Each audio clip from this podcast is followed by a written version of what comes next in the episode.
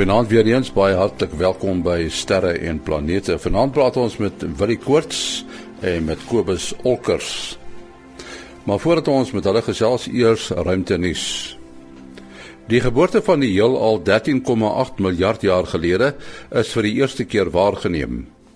Die aankondiging wat 'n keerpunt in kosmologie is, is vroeg aan Suid-Afrikaanse tyd in Amerika gemaak deur die Harvard Smithsonian Sentrum vir Astrofisika.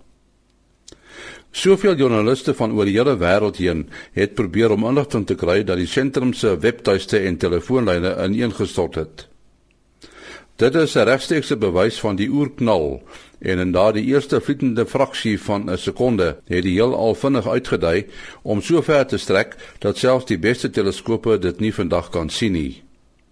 Wat nou gesien is, is die golwe wat die kosmiese inflasie veroorsaak. Dit word gravitasiegolwe genoem en dit het deur die jong heelal gerimpel toe dit ontplof het.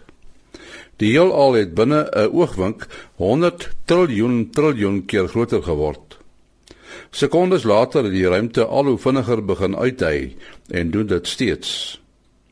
Mercurius het tydens sy afkoeling oor die afgelope 3,8 miljard jaar veel meer saamgetrek as wat voorheen bereken is. Topografiese en ander beelde wat deur die tuig Messenger geneem is, toon dat die planeet tussen 5 en 10 km gekrimp het sedert die grootskaalse kosmiese bombardement van die sonnestelsel gestaak is. In teenstelling met Mercurius met sy ongewone groot metaalagtige kern, het die maan slegs so wat 182 meter gekrimp. Meestal slegs die afgelope so wat miljard jaar. Die strukture op Mercurius wat op die inkrimping dui, is baie duidelik omdat die planeet nie soos die aarde oor kontinentale plate beskik nie. Tot sover ruimtenis wat geskryf is deur Herman Turin in Bloemfontein. Nou is dit weer tyd vir eh, Kobus Olkers om te gesels oor die gedrag van die son. Kobus, is daar eh, dinge wat uitstaan? Ja, goeienaand en goeienaand luisteraars. Ehm um, die son is hierdie week lekker stil. Uh ons het geen akkool as 'n klomp aktiewe areas aan die kant van die son. Die sonvlek syfer op hierdie stadium is hier by die 110 rond, maar daar is nie een wat kompleks genoeg is om vir ons probleme te gee nie. Ons het ook geen enkele koronagat wat na ons kant toe wys nie.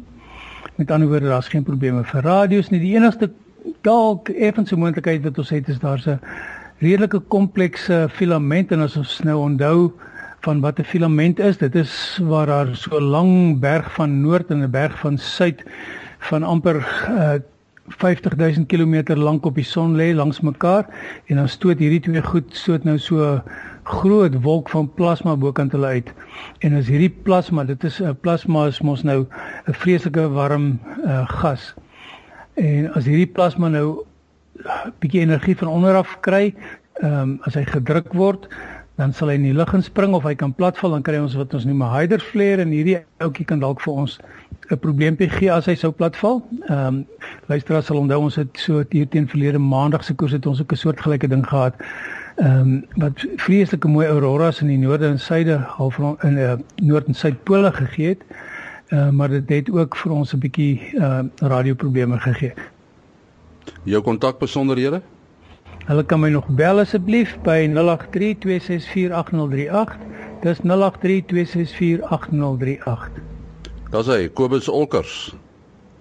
Wil jy die groot uh, nuus uh, wat baie opslaa maak is eh, 'n uh, redelike moeilike begrip om sommer so in gewone taal te beskryf. Dit gaan oor die uh, agtergrond mikrogolfstraling en dat daar nou bewyse is gevind is van uh, sogenaamde kosmiese inflasie en uh, die die die kwantum gravitasie in in in die in die oerknal. Nou hulle het nou dit gevind, maar ek het nog gedink dat die oerknal is eintlik maar 'n teorie, maar as die beste teorie, hy's nog nie bewys nie. Ja, ja, dit is ek moet sê ek is nou ook nie 'n kosmoloog nie. So dit beteken dat ek moes baie van die goeters oorlees en oplees en herlees om om eh, 'n uh, bietjie te verstaan en elke keer dan dink ek daarom verstaan ek so entjie beter. En ehm um, ja, want hierdie hierdie ehm um, ontdekking is is ja, soos jy sê, dit is gelykstaande aan die 1980s wat 'n Nobelprys gegee het vir die vir die ontdek, ontdekking van die agtergrondstraling en en dit sluit tot 'n mate aan by hierdie Higgs boson uh, wat ons was dit verlede jaar of so van gehoor het, maar dit is baie baie moeilike konsepte wat wat 'n mens nie sommer so maklik uh, kan verstaan nie. So ek hoop ek uh, um, ek verstaan dit goed genoeg om dit om dit miskien te kan te kan weergee. Ja. So ja, so om te begin by die oerknal. Ja, dit is op hierdie stadium die ehm um, mees moontlike of die die, die beste teorie uh, wel ja mens moet ook dink aan 'n teorie hipotese is natuurlik 'n ding wat nog nie bewys is nie 'n teorie is al is al 'n hele end verder en dit is dit word uh, redelik aanvaar dat dit is hoe hoe die hele al tot, tot stand gekom het. Ehm um, mense kan nou baie maal dink jy, jy het nou ehm um,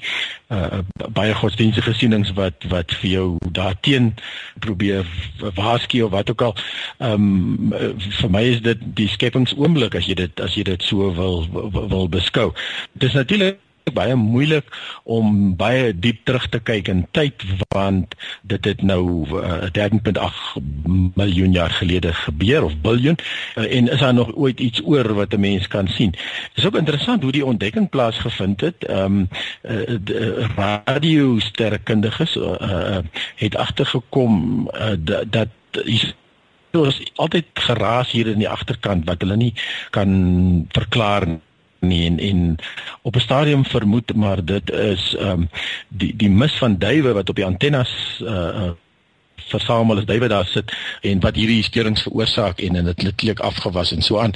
En en uh toe toe op dit uh agtergekom dat ja dit was so ver terug as 1964 uh wat hulle dit agtergekom het dat ehm um, dit is uh die die moontlike verduideliking hierso vir vir die kosmiese agtergrondstraling. En die kosmiese agtergrondstraling is dan basies die die noem dit nou maar die nagloed van eh, van hierdie van die oerknal. Dit is ook dan die teorie hoekom daar uh uh galaksies en dan ook sterre en planete later begin bestaan het want as um, as alles uitgeskiet het en dit was heeltemal homogeen uh dan dan is daar geen rede vir die goedes om te begin bymekaar kom en en dan te begin swaartekrag kry en dan nog nader te trek soos hulle meer swaartekrag kry en nog so waterkrag kry in die proses en en wat dan galaksies en sterre en so sou sou vorm nie. Wat hulle voorgesoek het is is dan 'n 'n effense oneweredigheid en en die is toe nou baie mooi gesien toe ons nou die instrumentasie begin ont, ontwikkel het om dit te kan sien. Die probleem is dat uh, as jy kyk na die oerknal teorie dan um, beteken dit uh, ons kan net so diep as 380 000 jaar na die oerknal kan ons sien uh, want uh, voor daai tyd was uh, die die materiaal uh, van die waar dit alles ontstaan het no, nog net te dig sodat lig nie daar kon deurbeweeg nie. En dis natuurlik lig is die enigste wat ons nog vandag het om om te sien. So dit dit laat ons net so so so diep as 380 000 jaar terugkyk in die um, na na die oerknal. Nou ehm um, hierdie wat nou ontdekking ontdek is, is is ook een van Einstein Einstein uh, noem dit nou maar sy uitstaande uh, teorieë. Nou is eintlik ongelooflik as mense dink aan Einstein wat hierdie goeders nooit nog maar uitgedink het in sy kop en natuurlik in die wiskunde het baie van die goed uitgekom. En ehm um, en Einstein het dan gesê dat die ruimtetyd, hy het aantrekkingskrag of swaartekrag half beskou as 'n 'n vervorming van ruimtetyd. Nou 'n uh, eenvoudige eksperiment hoe mense dit kan doen. Ons mense daaraan dink as jy nou 'n ou swak matras het en daar gaan sit 'n groot persoon in die middel van die matras en uh ek kinders hardloop op die matras uh, rond dan gaan dit tog gebeur dat hulle na die middel toe val of ge, gerol of hoe jy dit ook al dink omdat die matras dan nou ingeduik is. So die matras loop afdraand na hierdie na hierdie persoon toe. En 'n uh, mens kan so 'n eksperiment maak deur byvoorbeeld 'n rubber mat 'n uh, lekker styf te span en 'n lekker groot uh, soos 'n op 'n gewigstoot gewig in die middel te sit en dan balletjies begin te rol en en jy laat die balletjies golfies dan verby hierdie ding hardloop, maar natuurlik hulle gaan nou naderhand in hierdie kolk inrol totdat hulle uiteindelik by hierdie groot bal uitkom. En en dit is hoe hoe uh, Einstein dan uh, gravitasie beskou het as 'n vervorming van ruimtetyd. Nou wat Einstein gesê het dan is dat ruimtetyd uh, vir die oerknal om te werk moet daar maar ehm um, die die rippels amper soos mense dink as jy as jy 'n 'n rivier het wat loop en terwyl die water loop is daar golfies en en as die water weg is is is dan is die die bewyse dat daar water dat daar golfies was is is weg maar um, mense sien altyd dat in as dit 'n sandbodem is dan sien jy golfies op die op die oppervlak uh, van die sand na die sand al droog geword het. Uh, uh so dit is dan wat hulle eintlik effektief hier gevind het is dat uh, Einstein het gesê daar gaan hierdie hierdie uh, golfies wees in ruimtetyd dan so dit is nou eintlik hierdie golfies in die sand wat hulle nou ontdek het uh, met hierdie met hierdie uh, spesiale instrument. Nou ja, dis ook interessant. Ehm um, daar's uh, twee instrumente gebou. Uh, hulle noem dit bicep, is amper soos 'n mense armspier klink dit my en uh, die eerste een praat hulle van die kick array en en dene was was 'n redelike groter ene. Ehm um, ek is nie presies seker waar dit gebeur het nie, maar uh die instrument wat uiteindelik die die ontdekking gedoen het, is sogenaamde bicep 2 en uh, die instrument staan op die suidpool en dis eintlik 'n baie klein teleskoopie. Dis maar 'n 12 duim in die ou tale, 30 cm uh teleskoop en ehm um, hy word afgekoel. Uit ehm um, hele paar honderd uh van hierdie detektors wat dan polarisasie uh, 250 uh, van hierdie detektors. Hulle is so groot soos 'n mens se duim elk en en hulle uh, meet dan polarisasie en en hulle neem eintlik meet die, die verskil in polarisasie van van in twee hoeke. Polarisasie gaan dan vir ons 'n aanduiding gee op op op hierdie op hierdie uh, noem dit maar gravitasiegolwe. Die ander manier om daaraan te dink is jy byvoorbeeld sê maar 'n 'n stuk pels het van uh, sê nou maar 'n vel van 'n dier wat nou lekker kort haartjies gehad het. En as jy jou vingers aan die onderkant druk dan gaan jou haartjies mos anders regop staan daar waar jou vingers is as as waar jou vingers nie is nie. En en dit is 'n 'n soortgelyke konsep hierso. En um, die instrument staan dan op die suidpool en wat wonderlik is van die suidpool dit is natuurlik koud daar en die instrument self word afgekoel tot 4 grade Kelvin. Nou die koudste wat dit kan enigiets kan word in die in die uh, uh, enige plek is minus 273 minus 273 grade. So hierdie instrument sit dan by minus 269 grade. Die ander voordeel van die suidpool uh, posisie is dat jy jy kyk hier uit in die in die ruimte uh um wat wat wat vir jou regtig wegwys van vanaf die Melkweg en en jy kan basies amper die diepste wat jy in die heelal kan kan inkyk. So alhoewel dit nie baie groot instrument is nie, is is hy op die regte plek en met die regte instrumentasie. Nou wat ook interessant is, is is hulle het nou al 3 jaar se data geneem en in die modelle en die teorieë moes die effek baie baie klein gewees het en die effek wat hulle toe onmiddellik optel is 2 maal so groot as wat hulle verwag het.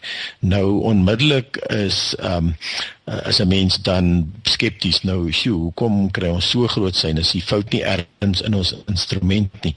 En dit is weer soortgelyk soos ek net al gesê het van uh, die ontdekking van die ehm uh, volkimus op die of die duiwemis op die antennes uh, wat moontlike stering kon veroorsaak het wat toe nou bewys is dit is nie 'n uh, mens moet natuurlik altyd baie baie seker maak met enige sulke sulke eksperimente dat jy nie jou instrumente nie vir jou die verkeerde goed sê nie. En eh, dis hoekom dis al 3 jaar terug wat hulle eintlik die ontdekking gemaak het. Toe nou later die beter instrument op die suidpool gekry, dieselfde selfe antwoorde gekry en en nou uiteindelik die die die aankondiging gemaak. Nou uh die pad is nog nie heeltemal klaar nie want ehm um, daar's omtrent 10 groepe wat hierdie tipe navorsing doen en uh, so die kompetisie is baie hoog so mense moet ook nie te lank uitstel om jou aan aankondigings te maak nie. So hulle het nou die aankondiging gemaak en maar die hele peer review proses so ander ewe knieë gaan nou kyk na hierdie data en hierdie inligting en probeer gade skiet daarin of of dit gaan die toets van tye oorleef. So dit is eintlik 'n baie opwindende situasie op hierdie stadium waar um, die aankondiging gemaak is wat ek sê uh, soos ek sê wat wat wat eintlik een van jou groot groot ontdekkings in in in kosmologie dan nou uh, sal uh, wees in, in 'n baie lang tyd. Ja, jy sê daar's nou ander groepe wat ook werk aan dieselfde ding. Nou as hulle dieselfde bevindinge kry, dan behoort dit eintlik vir hierdie ouens goed te werk want dan is daar nou uh, onteenseglike bewys. Ja, definitief. En dit dit kan wees dat van hierdie ander groepe iets soortgelyks gesien het en en al gemeet het en uh, want van hierdie eksperimente is, is ruimtetye wat waar dit natuurlik nou dit nog makliker maak want jy het nou nie die aardse atmosfeer wat jou beïnvloed nie. So ehm uh, um, so dit, dit, dit kan natuurlik heel moontlik gebeur dat en jy kan natuurlik nou self samewerking samewerking uh, van verskillende groepe begin kry om nou uh, om hulle data bymekaar te gooi en en ehm um, met mekaar te vergelyk ensovoorts. So uh, ja, ja, daar gaan definitief uh, definitief notes compare word soos hulle in Engels sê. Nou 'n bietjie weg van al al hierdie ingewikkeldhede en uh, kom ons kyk nou na die voorwerpe wat uh, deesdae te sien is. Ons is nou stadig besig om in die herfs gebied in te beweeg. Dit is die winterkonstellasies wat opkom. Die tipiese winterkonstellasie is natuurlik die Skorpioen, né? Ja, dis reg, dis reg. Mense hoef nou nie meer baie laat op te bly saans om die om die Skorpioen uh te sien nie. Ek ek het nou eintlik lanklaas gekyk, maar ek skat dis nou al hier so by 11 uur se kant, dalk al 'n bietjie nog 'n bietjie later. Ehm um, wat wat uh, Orion sit nou nog redelik prominent. Ehm um, en sal nog seker vir die volgende maand of 2 uh, maar maar Orion raak nou al hoe laer in die weste elke aand en en die die skorpioen is dan is dan besig om om op te kom in die ooste. So ja, soos jy sê die uh, dominante somerkonstellasie Orion is is nou besig om te verdwyn en plek te maak vir ons winternaghemel wat um, wat oorheers word deur uh, die skorpioen en die 'n uh, mensperd daarso uh, by hom Sagittarius en en wat natuurlik ook vir ons die middelpunt van die Melkweg verwys. So die Melkweg wat ons nou, soos ek sê in die somer gesien het, is eintlik die dun gedeelte. As mens nou dink ons Melkweg is is soos twee pierings wat op of twee wat mense dit ook verduidelik, partymal is twee gekookte eiers, gebakte eiers. So die die, die gele is dan nou basies in die middel met die wit wat uitloop en dunner word en en um, ons is omtrent so 2/3 uit. So as ons dan na die een kant toe kyk, dan sien ons net die die die, die dun stukkie stukkie wit kan jy maar sê as ons na die kern se kant toe kyk, dan gaan ons die dikker gedeelte met die geel sien en dit is natuurlik wat ons dan in die winter sien. So in die winter is ons melkweg ook tipies helderder as wat dit in die somer is omdat ons na die na die na die dik gedeelte kyk, kan jy maar sê. So in Sagittarius is dan ook die middelpunt van die melkweg. Daar's natuurlik baie donker gedeeltes daar want ehm um, die middelpunt van die melkweg melkweg bevat nog heelwat stof en en gasse wat dan die sterlig eintlik uitskakel maar die oorwegende gedeelte en en dan en dan ook helderder. So as 'n mens nou opkyk dan is daar sekere rigtings waarna mense kyk waar jy in die melkweg inkyk Maar daar's ook ander rigtings waar jy kyk waar jy eintlik reg weg uit die melkweg uitkyk as ek reg. Dis soos soos ek nou soos ek nou genoem het. Ja, so as jy nou weer dink aan ons analogie van uh, twee gebakte eiers wat op mekaar lê dan dan en en jy en jy is so uh, eentjie weg van die middelpunt af, dan as jy een kant toe kyk, gaan jy die gaan jy net wit sien en aan die ander kant toe gaan jy dan wit plus geel sien wat dan nou uh, in die in die in die middel is. So uh, um, dit is dan tipies in die in die winter wanneer die Sagittarius gebied waar die middelpunt van die melkweg lê uh wanneer dit uh, sigbaar is. Ja. Ja, en natuurlik ons het nou 'n klomp Jupiter uh, is nou in die in die tweeling omtrent en ook saam met Orion besig om te sak aan die weste.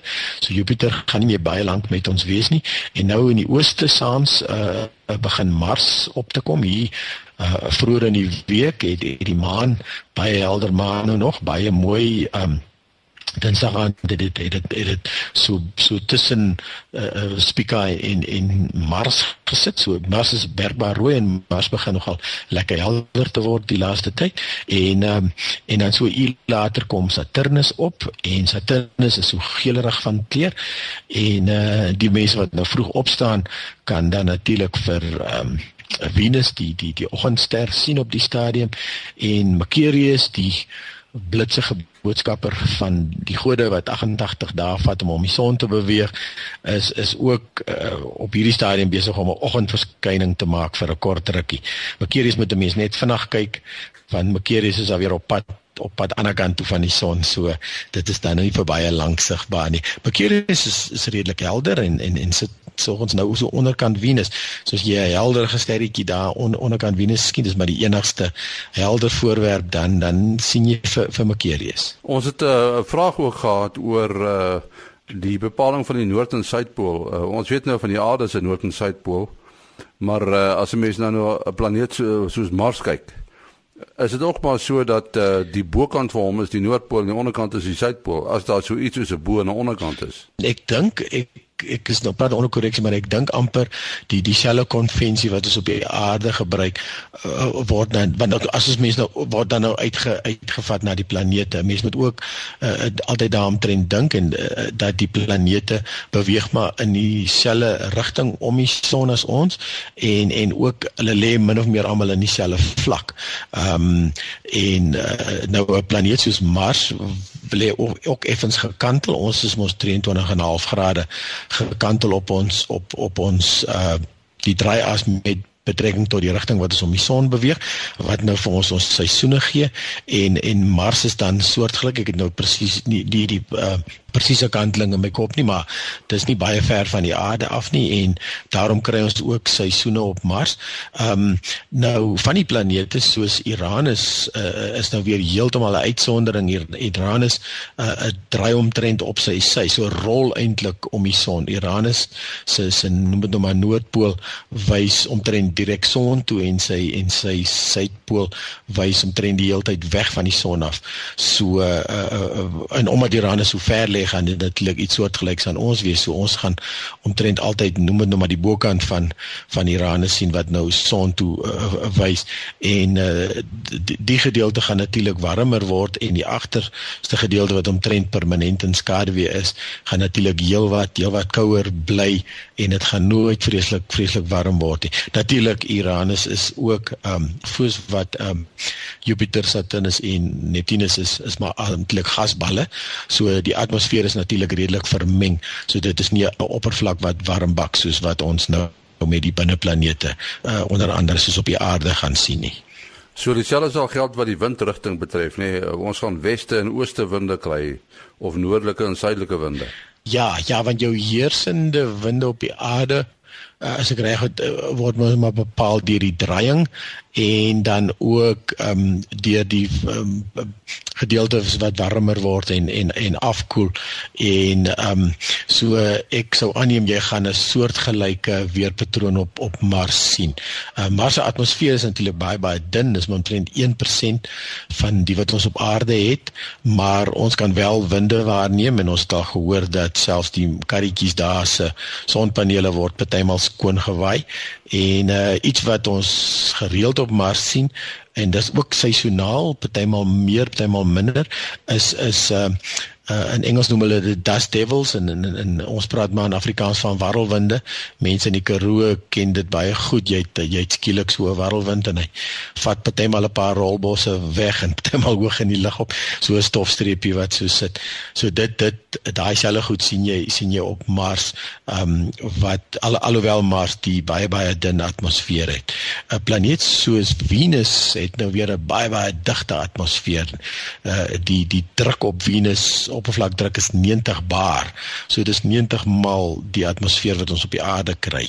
So uh, daar het jy weer 'n baie baie digte atmosfeer en uh, heeltemal wolkbedek en en wat natuurlik vir hierdie geweldige kweekhuiseffek gee wat wat die oppervlaktemperatuur baie baie hoog opvat. Soveel sodat dat lood nie eers in 'n vaste vorm kan bestaan daar nie. Dit sal 'n lood smelt by by daai 400 plus temperature wat jy 400 grade plus wat jy op op Venus ondervind. Ek wonder of daar 'n korrelasie is tussen die digtheid van 'n atmosfeer en die intensiteit van 'n van 'n storm. Dit is nogal interessant want as ons nou dink die die ergste storms as ek nou reg onthou wat ons in die in die sonnestelsel het is wat jy op Jupiter kry en uh, Jupiter se as 'n storms word natuurlik aangejaag deur die feit dat Jupiter geweldig vinnig draai. Nou Jupiter is die grootste planeet, 300 maal groter as die aarde en en en en draai sy eie as onder 10 ure. So uh, dit is uh, nou kry jy dat Jupiter is hierdie geweldige gasbal en jy kry dan dat die die opper die die uh, snelheid waarmee die planeet by sy ewenaar roteer en by sy pole heeltemal verskil. En en so nou kry jy reg oor die planeet tussen die ewenaar en en dan die pole kry jy dan heeltyd hierdie diferensiasie van van van ehm um, draaibeweging wat natuurlik vir jou verskillende wind snelhede gaan gee.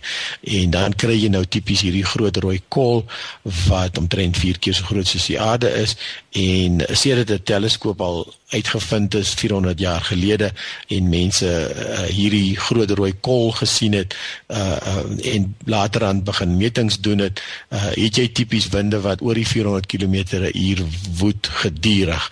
So sedert ons 'n teleskoop gemik het, sien ons al hierdie hierdie geweldige storm en um, ek verduidelik soms altyd vir die kinders dit dit herinner my aan ball bearings aan aan koelaars wat jy dan ehm um, uh, kry tussen vlakke wat vinniger en stadiger beweeg en tot 'n mate kan jy dit amper so beskou want soos ek sê die ewenaar draai dan heelwat vinniger as as die pole. Die son self uh, kry jy natuurlik ook daai gedrag. So die son se ewenaar, die son vat omtrent so 'n maand, bietjie minder as 'n maand om eenmal om om uh, reg om te draai uh, om sy eie as en uh, ons beweeg natuurlik ook nog stadig aan in die proses maar dit vat daarom 'n hele jaar. Maar um, die rotasie by die by die ewenaar van die son en die rotasie by die pole of na na na die pole se kant toe verskil ook uh sodat dit as ek reg onthou iets so 36 dae vat uh eentjie weg van die van die ewenaar en en by die ewenaar selfs is dit minder as 30 of in die omgewing van uh, ja minder as 30 dae. So uh um dan kry jy ook hierdie ehm um, verskil in in in draaimoment op die son ehm um, word dit nie so erg gemanifesteer as as winde nie. Ehm um, maar uh, dit is dan wat die magneetveld opwen en vir ons sonvlekke gee ensovoorts en ook hierdie hierdie periode wat die sonvlekke minder en meer raak soos wat die soos wat uh, Kobus al voorheen verduidelik het die die magneetveld opwen en en weer uh, uh, soos 'n rekkie uh, breek en afskiet ensovoorts Wil jy ons is uh, ongelukkig uh, by die einde van ons tyd. Wat is jou kontakbesonderhede? Ja, mense kan my bel, SMS of WhatsApp 072 4579208. 0724579208. En my besonderhede maas.henny@gmail.com, maas.henny@gmail.com. Tot 'n volgende keer. Mooi loop.